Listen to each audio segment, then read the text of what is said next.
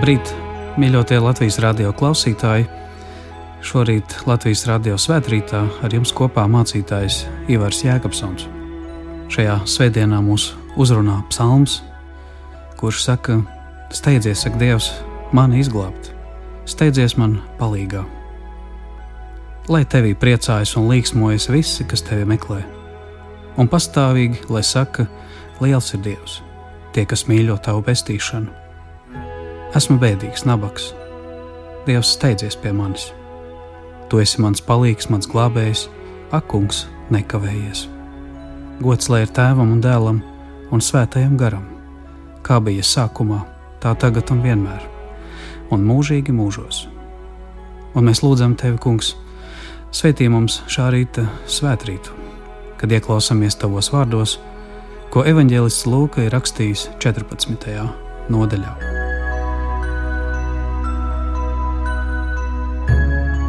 Jēzus kādā sabata dienā iegāja ievērojami farizēju namā maizi ēst, un tie viņu tur novēroja.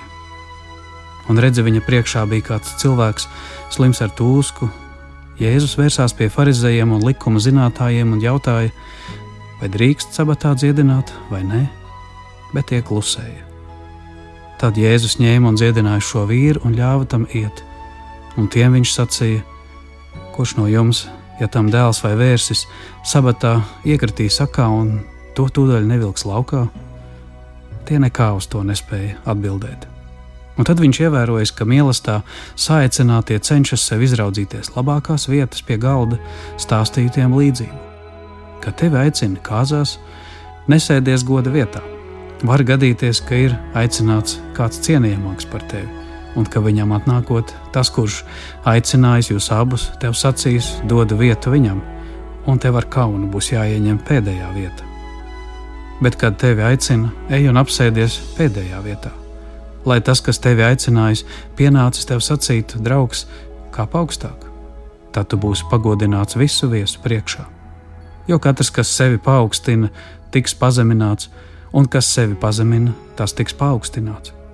Viņš sacīja arī tam, kas viņu bija aicinājis, un kad tur rīko pusdienas vai vakariņas, neaicini nec savus draugus, nec brāļus, nec radus, nec bagātus kaimiņus, kā arī viņi tevi neaicinātu un nenotiktu savstarpēja atlīdzināšana. Bet, kad tur rīko mīlestību, aicini nabagus, tīzlus, kropus, aklus, un tu būsi laimīgs, jo viņiem nav ar ko tev atlīdzināt, un tev tiks atlīdzināts pie taisno augšām celšanās tā kunga evaņģēlijas.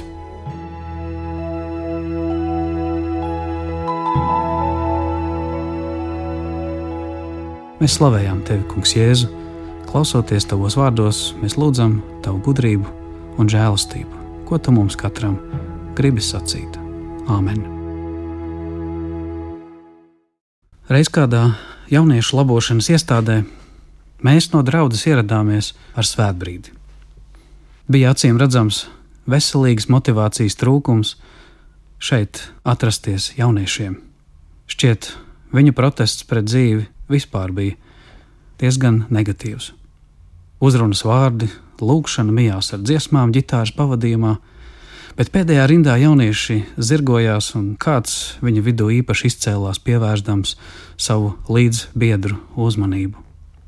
Pēc nu jau nomocītā pasākuma Tieši viņam jautāju, ko tu vēlies no dzīves, ko tu gaidi? Gan arī bez domāšanas šis jaunietis man atbildēja: naudu, zālīti un meitenes. Vēlāk domāju, kāpēc tieši šīs lietas, vai to ietekmē vide, draugi.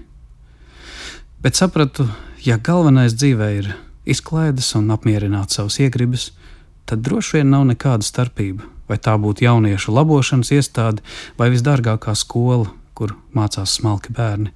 Viss būs viens un tas pats. Mērķi tādi paši, tikai citādāk iepakoti. Jā, protams, būtu labi, ja skolā ir interesanti, ja ir daļa izklaides un ir labi draugi. Tomēr dzīve jau nevienmēr kaut ko tādu piedāvā. Dzīve kādreiz māca tevi saņemties un nevis pieprasīt, apstākļus, bet radīt apstākļus, kas ir jēgpilni un piešķir dzīvē gaismu. Bet jēga dzīvē nav un nebūs, ja nebūs garīga vērtība un nav dieva. Mācība jau netiek iegūta, ja nesastop patiesu mīlestību, kas tevi pārveido. Un es domāju, ka arī Jēzus šīs dienas tekstā parāda, ka pat garīgi augsti motivētā vidē, reliģiskā vidē, kur visi tic, ja varētu teikt, dievam, tomēr tur pie tā īpašā farizēja namā ierodas viesi, kurus vada ne jau dievbijība, bet godkāri un egoisms. Jēzus ierodas viesībās kāda ievērojama farizēja namā un vienkāršās lietās uzrāda šo problēmu, redzot, kā cilvēki ieņem augstākās vietas. Bet arī par spīti farizēja aizspriedumam, viņš tur arī kalpo, viņš dziedina slimo, pat ja formāli sabatā taču strādāt ir aizliegts. Bet likums nekad nav aizliedzis žēlsirdību pret to, kurš ir vajadzībā. Svarīgi ir pildot dieva likumu, taču nepaiet garām cilvēkam, kam tad likums ir domāts, lai tas būtu par svētību un nestu dzīvību.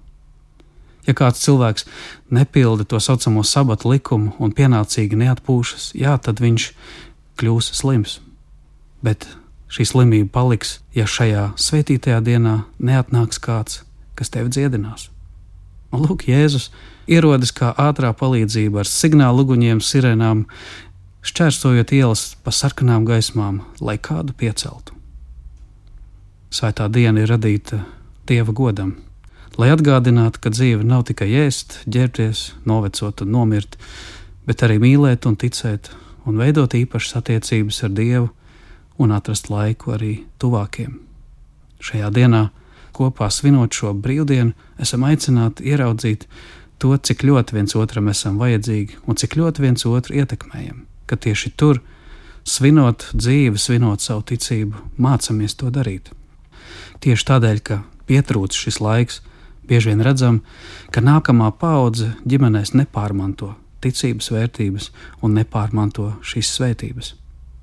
Jēzus šajā dienā bija uzaicināts ievērojami farizēja namā. Viņš tur parāda, ka nelaimē nav brīvdienas. Tai vajag palīdzību, un tur viņš māca šo pazemību un žēlsirdību. Viņš aicina labāk ieņemt pēdējo vietu, tad tu tiksi paaugstināts. Viņš aicina labāk aicināt ciemos visus nabagus, ne tikai savējos. Tad tev būs alga debesīs, tad tā būs patiesa, nesaudīga, dievišķa mīlestība. Jo svētajā dienā, kristīgā izpratnē, mēs svinam nevis to, ko esam nopelnījuši, bet dalāmies ar to, ko Dievs dāvina. Tā nav vēl viena darba diena, mēs svinām Jēzus žēlsirdību un kristīgā pasaulē katru svētdienu viņa augšām celšanos, uzvaru, ar kuru tad sākam visu nedēļu. Jā, šī diena ir svarīga, lai tā nepaiet garām cilvēkam. Tā ir diena, lai augtu garīgi, lai tu taptu vesels, brīvs un tiešām dzīvotu šī vārda vislabākā nozīmē.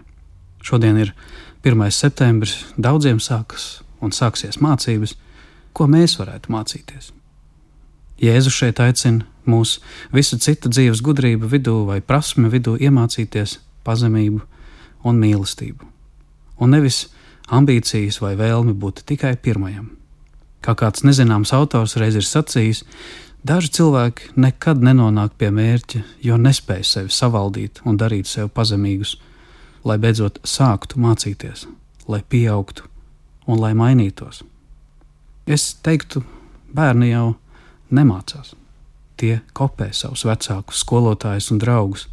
Un tādēļ varbūt pašā mācību gada sākumā daudziem būtu vērts pajautāt, ko es vēlēšos kopēt, uz ko es skatīšos. Jā, ja es ieraugu kaut ko tiešām sekošanas vērtu, tad par to arī es domāšu, uz to arī skatīšos. Ar to es pavadīšu laiku kopā, no tā iedvesmošos. Nav vienalga, kādi draugi, kādi skolotāji tev dzīvē pavada. Tāpēc ir labi nākt kopā un būt ar izcilībām. Tādiem būtu jābūt katram skolotājam, kā tādam dzīves piemēram. Taču cilvēcīgais vienmēr ir nepilnīgs. Tāpēc kristīgā domāšanā esam aicināti raudzīties pāri par skolotājiem un pat pāri svētajiem, uz to pilnību, kas ir Kristus. Raugies uz to kungu, no spožuma uz spožumu, topi viņa gaismā. Jēzu ir visas gudrības pilnība. Jēzus šajā ziņā mums ir piemērs, kam sekot, kā to norādīja arī apustulis Pāvils, īpaši attiecinot to uz pazemības skolu. Viņš saka Filipiešiem otrajā nodaļā: Piepildiet manu prieku, būdami vienprātīgā, kopīgā mīlestībā un vienoti dvēselēs un domās, neko nedariet kādas sāncensības vai tukšas slavas dēļ, bet pazemībā vērtējiet citu citu augstāk par sevi, rūpēdamies katrs ne tikai par savu labumu, bet par citu labumu. Un lai jūsos ir tādas pašas domas kā Kristu Jēzu, kas būdams dieva veidā, neuzskatīja par laupījumu būt vienādam ar dievu, bet sevi iztukšoja, pieņemdams kalpa veidu un tāpēc cilvēkam līdzīgs, un būdams tāds pats kā cilvēks, viņš pazemoja sevi, kļūdams paklausīgs līdz nāvei, līdz pat krusta nāvei un tādēļ Dievs viņu paaugstināja un dāvāja viņam vārdu pār visiem vārdiem. Tādēļ, mani mīļie, kā jūs vienmēr esat bijuši paklausīgi, raksta Pāvils, ne tikai man klātesot, bet daudz vairāk arī manā prombūtnē, tad arī tagad, bijībā drebot, darbojieties savā pestīšanas labā, jo Dievs ir tas, kas pēc savas labās gribas arī rosina jūsu gribēšanu un darbošanos un visu dariet bez kurnēšanas un šaubīšanās. Topiet nevainojami un šķīsti dieva bērni, būdami neaptraipīti, sakropļotas un samaitātas paudzes vidū, kur jūs mirdzat kā zvaigznes pasaulē. Lūk, šis citāts no vēstules Filipiešiem. Man tas gandrīz vai nedaudz atgādina kāda skolas direktora uzrunu mācību gada sākumā, norādot uz augstākām vērtībām, nevis uz sāncensību, bet patiesu sirsnīgu sadarbību un paklausību, augot garīgajās vērtībās. Jā, šeit ir skaidri redzams, ka pazemība dodas uz skolu nevis kā uz sacensībām, lai izrādītos, nedz augstprātīgi, zemiski izturoties pret citiem, kas tā saucamie nav mūsējie, bet patiesa kristīga pazemība tic, cer, panes, piedod un ir visas, manuprāt, arī veiksmes pamatā. Jo ar tādām vienkāršām lietām mēs iemācāmies lielās gudrības. Aiz parastām priekšmetu zinībām mēs veidojam arī labas attiecības ar Dievu un tuvāko. Pazemība vienmēr ir gatava mācīties, un vērot un sekot. Pazemība ir gatava arī labprāt un no sirds paklausīt. Tā ir gatava sadarboties ar citiem un piedot citiem, un atrast spēku arī piedot sev un pieņemt savus neveiksmus un celties atkal un arī palīdzēt cits citam.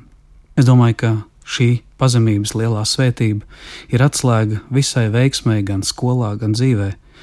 Tā ir veiksme draudzībā un vēlāk arī ģimenes attiecībās. Tie ir lieliski komandas biedri sportā un darbā.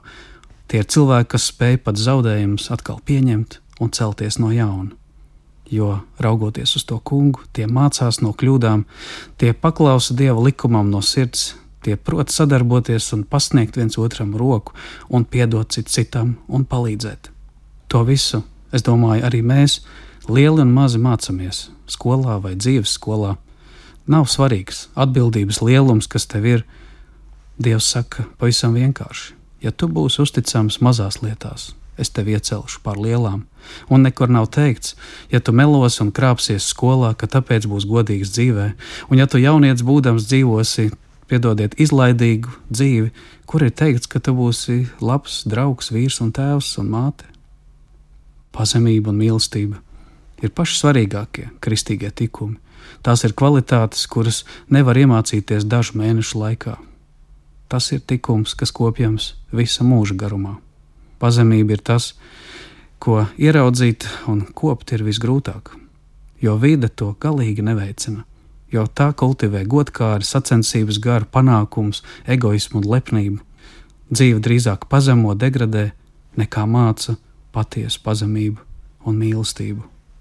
Lepnība ir viens no lielākajiem, ja ne pats lielākais ienaidnieks, tā saucamais nāves grēks, kas noliedz dievu un noliek dieva vietā sevi. Lepnība un neticība attiecībās ienes tumsu, ciešanas un nāvi, ko izraisa augstprātīga, vardarbīga izturēšanās sabiedrībā, darbā, skolā un mājās. Tā kļūst par augstprātīgu paštaisnību. Pat ticīgajiem tas izraisa nesamierināmus konfliktus, šķelšanās un nosodījumu. Tas izstumj patiesu žēlsirdību, uz ko aicina Jēzus, un tāpēc viņš tieši šeit aicina dziedināt, palīdzēt, aicināt nabagos, ne tikai savējos, jo glābšanai, gaismai visi ir aicināti. Jēzus mūs aicina no es, man un manējais uz tev un mums un Dievam par godu. Lepnība ir vieglāk redzēt citos, bet grūti to pamanīt sevī. Bet tas ir tādēļ, bieži vien, ka vēlamies gūt uzslavas un ar grūtībām pieņemam kritiku. Lepnība, kā saka Gordons Alports, viens no psihologiem, ir pat visu neirožu pamatā. Kā citāts saka, pēc būtības katra neiroze sakņojas pārmērīgā pārņemtībā ar sevi, jeb reliģiski definējot lepnībā. Tā var izpausties kā hiperjūtība, viegla aizvainojamība, sīkumainība, tāpat neizlēmība un bailes tādās izaicinošās situācijās, bailes kļūdīties, kur tu vari būt diskreditēts, pārāk liela skrupulozitāte vai pārāk liels paškritiskums. Tas viss nereti ir lepnības mēģinājums parādīt citiem, cik es esmu ļoti, ļoti, ļoti, ļoti vērtīgs. Te nav runa par veselīgu pašcieņu, te nav runa par veselīgu rāmu garu, kurš ir stabils un pašcieņas pilns. Te ir runa par pārspīlējumu, ko izraisa lepnība. Tajā ziņā lepnība ir kā tāda garīga vēža slimība, kura pati sevi iznīcina. Tā grib uzvarēt visus, bet patiesībā apmāna vienīgi sevi pašu un vēl padara sevi par dieva ienaidnieku. Tā eņģeli padara par vēlnu, un tā cilvēkam liek pazaudēt paradīzi, jo atklāsmes un paklausības dievam vietā tā iemaina to pret neusticēšanos dievam, meklējot savu ierobežoto patiesību un taisnību. Tā vietā, lai uzticētos patiesības autoritātei, lepnība tausta robežas un neusticas brīdinājumu zīmēm, un tā sakot, ēda mušmieris, lai pārbaudītu, vai tiešām tās ir indīgas. Neusticoties brīdinājumam, ka grēka alga ir nāve, cilvēks tā sakot, izdzīvo visus savus grēkus, tos izmēģinādams, un tad vēlāk to ar lepnumu sauc dzīves skola. Tā vietā, lai vienkārši atsauktos aicinājumam atgriezties vai dzīvot svētīgi un tīri, jā, tam lepnība ir pārāk lepna. Bet ir, protams, lepošanās, kas ir laba, un tas ir Dieva gods. Tā ir atziņa, par to, ka dzīve ir žēlastība, ko Dievs dara mūsu dzīvē. Tas ir tieši prieks, ko dievbijībā iemāca patiesa brīvība, kas ir Kristū. Kristu atzīstot savus vainas, Kristu saņemot atdošanu un dziedinājumu, ir augšām celšanās un dzīvība. Tā kā lepnība saka, es esmu svēts, man atdošana nevajag, tas tiešām pazudina dvēseli. Bet pazemība atzīst un realistiski raugās uz sevi, es esmu arī grēcinieks.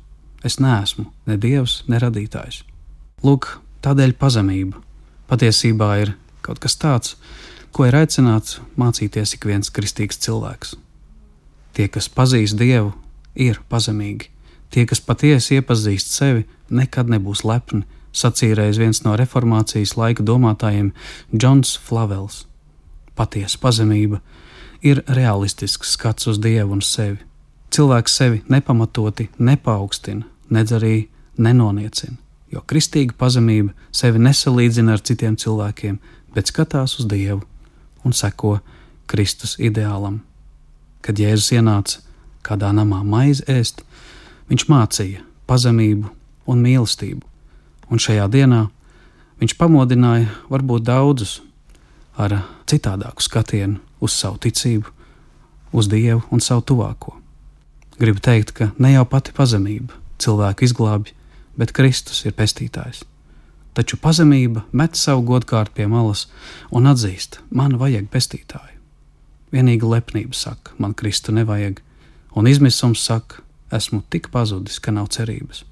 Gan spēja lūgt, gan spēja sniegt roku tuvākam un pāri visam dievam, ir pazemības, veselīgas pazemības zīme, ko esam aicināti mācīties kad tu raugies uz savu dzīvi? Kā tu varētu sekot šiem Kristus aicinājumam? Aicināt pie sevis nabagus, pasniegt roku slimajam un neieņemt svētkos goda vietu. Kā es varu savu dzīves skolu sākt pakāpeniski, ar pirmo klasi pieaugot līdz dievišķai gudrības pilnībai. Uz to, lai Dievs svētī mūs, visu zemi un tautu, un mūs katru atsevišķi arī šajā mācību sezonas sākumā. Āmen!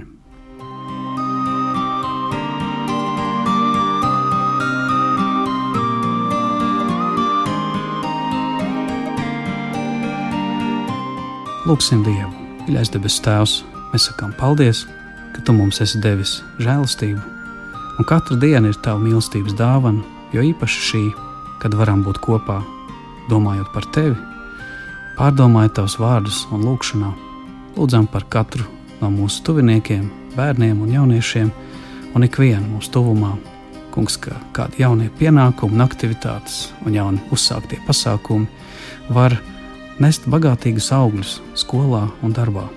Un arī tiem, kam šķietami lielā dzīves skola tuvojas noslēgumam, palīdz ar pateicību atskatīties uz to, ko šeit dzīvē esam mācījušies.